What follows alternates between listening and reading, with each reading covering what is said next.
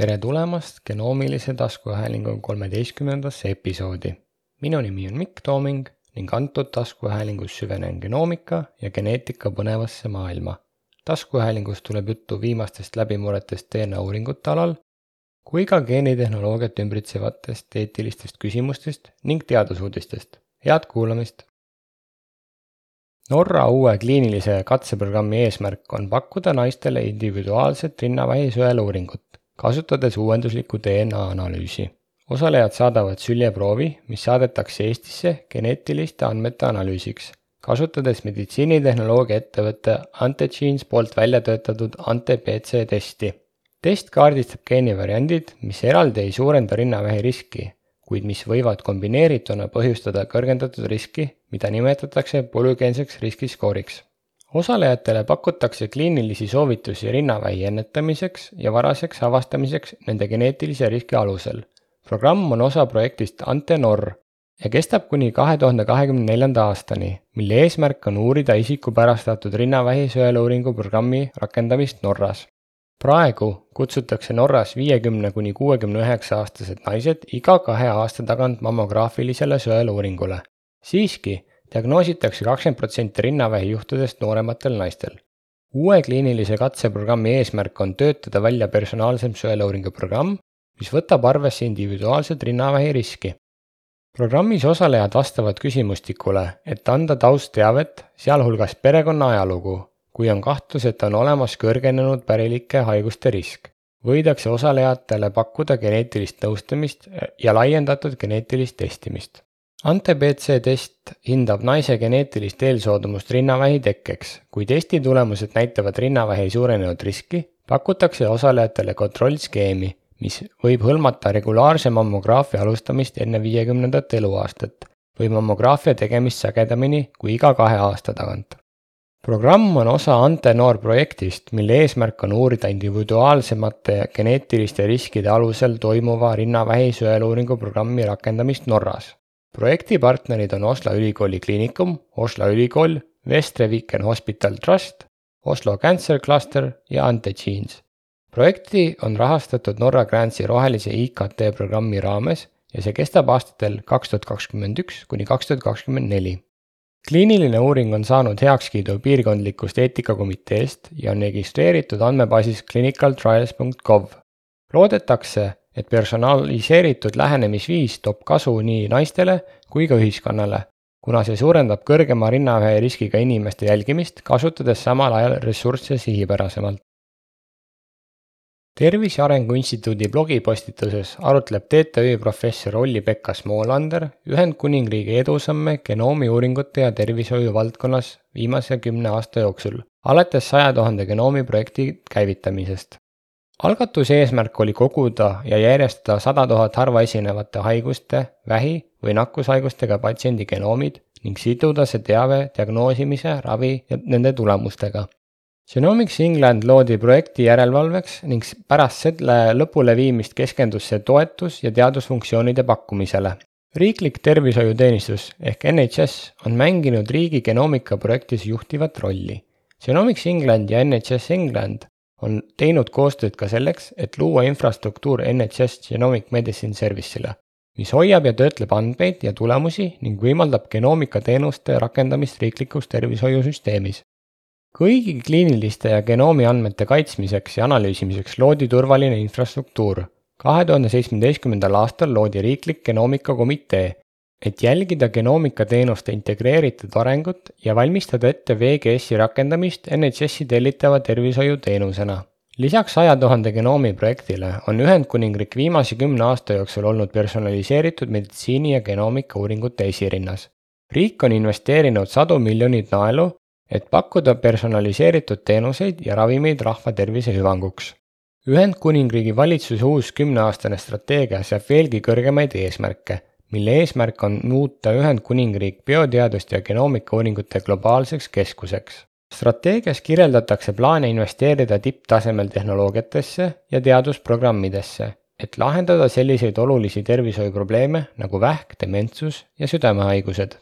lisaks sellele on strateegia eesmärk edendada rahvusvahelist koostööd, et edendada genoomika uuringuid ja luua regulatiivne keskkond, mis soodustab innovatsiooni, tagades samal ajal ohutuse ja eraelu puutumatuse. üldiselt on Ühendkuningriigi investeeringud genoomikasse ja personaliseeritud meditsiini viinud märkimisväärse edasiminekuni geenide ja haiguste vahelise seose mõistmisel ning sillutanud teed personaliseeritud ravi ja ravimeetodite väljatöötamisele riigi jätkuv pühendumine sellele teadusvaldkonnale toob tulevikus tõenäoliselt kaasa veelgi suuremaid läbimurdeid. Lisaks arutleb Olli-Pekka Smoolander ka turvaliste andmekeskkondade tähtsust genoomikauuringute jaoks, eelkõige personaliseeritud meditsiini kontekstis. genoomi analüüs hõlmab suurte ja keeruliste andmekogumite käsitlemist ning nende andmete turvalisuse ja privaatsuse tagamine on oluline nii eetilistel kui ka praktilistel põhjustel Genomics England on teinud koostööd Amazon Web Service'iga, et töötada välja usaldusväärne uurimiskeskkond ehk Trusted Research Environment, mis võimaldab teadlastel töötada genoomiliste andmetega, kasutades täiustatud pilvetöötlusvahendeid. Trusted Research Environment kasutab andmete turvaliseks ja tõhusaks säilitamiseks ja töötlemiseks AWS-i süsteeme nagu Amazon S3, EC2, millega vähendatakse analüüsi aega tundidelt sekunditele andmete turvalisuse ja eraelu puutumatusega seotud probleemide lahendamiseks on Genomics England välja töötanud ka turvalised andmekeskkonnad ehk Secure Data Environments, mis vastavad tervishoiu ja sotsiaalhoolekande andmete privaatsuse ja turvalisuse kõrgeimatele standarditele.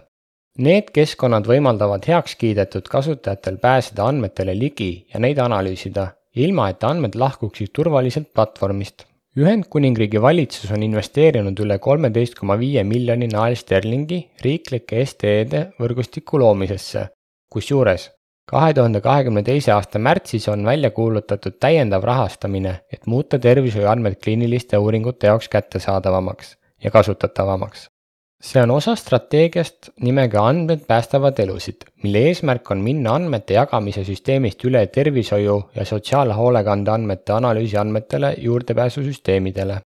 üldiselt on nende algatuste eesmärk toetada kiiremat ja tõhusamat innovatsiooni tervishoiutehnoloogias, pakkudes turvalist ja usaldusväärset juurdepääsu genoomi ja terviseandmetele Nature ajakirjas avaldatud artiklis käsitletud uuringus leiti, et väikesed mitokondriaalse DNA ehk mtDNA fragmendid võivad integreeruda tuumagenoomi, mis tähendab, et raku jõujaamade geneetilise materjali osad võivad saada osaks raku esmasest genoomist. see on üllatav, sest seni arvati, et mitokondrid päranduvad ainult emadelt ja nende DNA jäi tuumageenist eraldi uuringus analüüsiti enam kui kuuekümne kuue tuhande osaleja genoomi eerestusi ja leiti, et peaaegu kõigil oli vähemalt üks mitokondri genoomi fragment integreerunud nende genoomi, keskmiselt viis inimese kohta. teadlased leidsid ka, et need integratsioonid toimuvad tänapäevalgi, toimudes üks kord iga nelja tuhande sünni kohta. huvitaval kombel leiti mtDNA fragmendid tavaliselt BRDM üheksa, on valk, mis osaleb DNA kahesuunalise katkestuste parandamises nende valkude sidumiskohtade kõrval, mis viitab sellele, et mtDNA võib integreeruda genoomi kohtades, kus mõlemad DNA ahelad on läbi lõigatud. mtDNA fragmendid kippusid paigutuma mittekodeerivasse DNA-sse ja olid metüülrühmade lisamisega inaktiveeritud, mis tähendab, et need ei kujutanud endast ohtu tervisele. siiski leiti ka haruldasi juhtumeid, kus segmendid kleepusid piirkondadesse, mis on teadaolevalt vähktõve tekitajad mis võivad vallandada kasvaja tekke. uuringu tulemused mõjutavad eukaryootide evolutsiooni, sest need viitavad sellele, et geneetilise materjali ülekanne mitokondritest tuuma on pidev ja dünaamiline protsess. järgmine samm on mõista, kuidas need integratsioonid toimuvad, kusjuures üks võimalus on, et DNA manööverdab end kuidagi läbi mitokondriitide topeltmembraani. teine võimalus on, et süüdi võib olla mitokondriaalne sõnumitooja RNA hiljuti ajakirjas Science avaldatud uuring näitas, et psühhedeelikumidest saadav kasu depressiooni, ärevuse ja sõltuvuse ravimisel ei kordu loodusliku neurotransmitteri serotoniini puhul, millega need ravimid teadaolevalt seonduvad. artiklis käsitletud uuring annab ülevaate sellest, miks psühhedeelsed uimastid nagu LSD ja psühhotsübiin, mida leidub maagilistes seentes, võivad olla tõhusamad depressiooni, ärevuse ja sõltuvuse ravimisel. samas kui neurotransmitter serotoniin, mis on suunatud samale serotoniin kaks A retseptorile ajus, ei anna samasuguseid tulemusi. uuringu autorid oletavad, et psühhedeelikumide keemiline struktuur võimaldab neil läbida plasmamembraani ja aktiveerida rakusiseseid retseptoreid, mis ei ole serotoniinile endale kergesti kättesaadavad.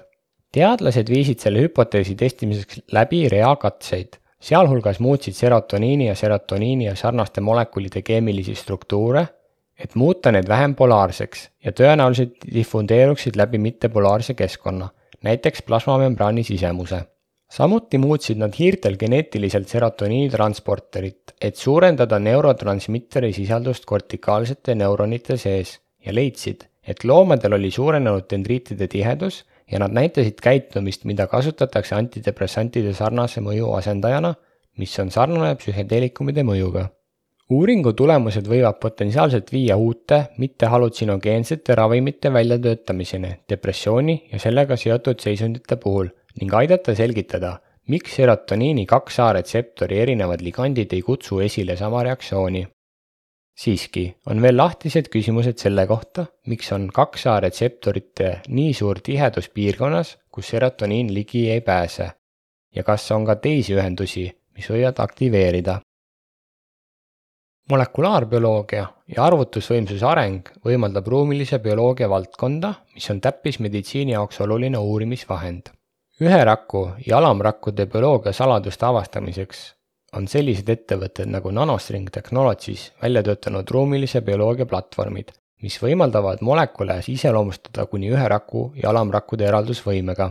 Nanostringi ruumilise bioloogia lahenduse paketti kuuluvad Cosmix Spatial Molecular Imager, GeoMX Digital Spatial Profiler ja integreeritud analüüsivahend AtoMX Spatial Informatics Platform. Cosmix SMI laiendab GeoMX DSP tehnoloogiat, kasutades fluoresseeruvaid molekulaarseid ribakoode mitmetest tsüklitest nukleiinhübriidistamise intakse bioloogiliste proovide RNA ja valkude taseme mõõtmiseks. Platvormi abil saab liigitada rakutüüpi, rakuseisundit, rakufunktsiooni ja rakkude vahelist suhtlust koes, jälgides geeni ekspressiooni muutusi ja ligandi retseptori interaktsioone. AtoMX SIP on esimene täielikult integreeritud ruumilise bioloogia lahendus, mis on mõeldud algselt uuringu kavandamisest kuni lõpliku eksperthinnangu publitseerimiseni. Lisaks nanostringi ruumilise bioloogia platvormide taga oleva tehnoloogia arutamisele rõhutatakse ka ruumilise bioloogia tähtsust täppismeditsiini edendamisel, võimaldades teadlastel visualiseerida ja kvantifitseerida molekulaarsete sündmuste ruumilist konteksti puutumatutes kudedes aitab ruumiline bioloogia avada saladusi kohaliku rakukeskkonna mõjust üksikute rakkude funktsioonile ja käitumisele. see on eriti oluline kasvajate puhul, kus konkreetne koekeskkond sõltub erinevatest rakutüüpidest, nende lähedusest üksteise ja signaalide ajastustest. lisaks märgitakse ka, et ruumilise bioloogia platvormidelt mahukate andmemahtude väljavõtte tegemise võime on tekitanud teadlastele andmeanalüüsi väljakutse selle probleemi lahendamiseks on Nanostring välja töötanud kasutajasõbraliku pilvepõhise informaatika lahenduse nimega AtoMX Spatial Informatics Platform, et hallata tõhusalt suure võimsusega ruumibioloogia platvormide poolt genereeritud andmeid.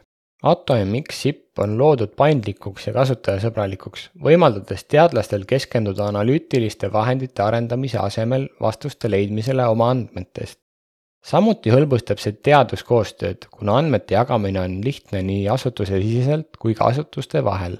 lisaks Nanostringsi ettevõttele on olemas ka teisi ruumilise bioloogia ettevõtteid. Antud artikkel avaldati ajakirjas Gen. Philadelphia lastehaigla teadlased on tuvastanud TAP PPR nimelise chaperon molekuli variandid, mis optimeerivad võõrkehade antigeenide sidumist ja esitlemist kogu inimpopulatsioonis see avastus võib avada uusi rakendusi sellistes valdkondades nagu rakuteraapia ja immuniseerimine, kus immuunsüsteemile on oluline tugev esitlus. TAP-PPR hõlbustab MHC1 voltimist ja peptiidide laadimist, võimaldades peptiidide esitlemist immuunsüsteemile. siiski on TAP-PPR-i vahendatud peptiidivahetust näidatud ainult piiratud hulga tavaliste HLA allotüüpide puhul, mis piirab laiemat kasutuselevõttu biomeditsiinilistes rakendustes teadlased analüüsisid kolme erinevat tapp-pepper valku, ühte inimestelt, ühte kanadelt ja ühte hiirtelt, Nende uuringud näitasid, et kana tapp-PPR suutis reageerida mitme HLA allotüübiga, millest paljud ei suutnud seondada inimese tapp-PPR-iga. teadlased leidsid ka inimese variandi, mis jäljendab kana järjestust, suurendades peptiidi vahetust paljude HLA tüüpide vahel teadlased soovitavad, et TAP-PPR-i ortolooge võiks kasutada erinevates vähiimmunoteraapia tingimustes, et kitsendada peptiidi repertuaari ja suurendada immunogeensust. Portsmouthi ülikooli juhitud uurimisrühm on avastanud, et Duchenne'i lihasdüstroofia geen, DMD, väljendub erinevalt mitmetes erinevates vähivormides. lisaks sellele, see põhjustab pärilikku degeneratiivset lihashaigust uurimisrühm hindas viitekümmet kasvajaproovi, sealhulgas rinna, munasarja, seedetrakti, vähipatsientidelt võetud transkriptoomilisi, proteoomilisi ja mutatsiooni andmeid ning vastavaid koeproove. Nad leidsid et, et kaheksakümmend protsenti neist kasvajatest oli vähenenud DMD geeni ekspressioon ja et vähenenud DMD geeni ekspressioon erinevates kasvajates oli seotud patsientide vähenenud elulemuse ja kõrgema kasvaja staadiumiga teadlased leidsid, et DMD ekspressioon vähenes transkriptsioonilise allareguleerimise, mittesomaatiliste mutatsioonide tõttu.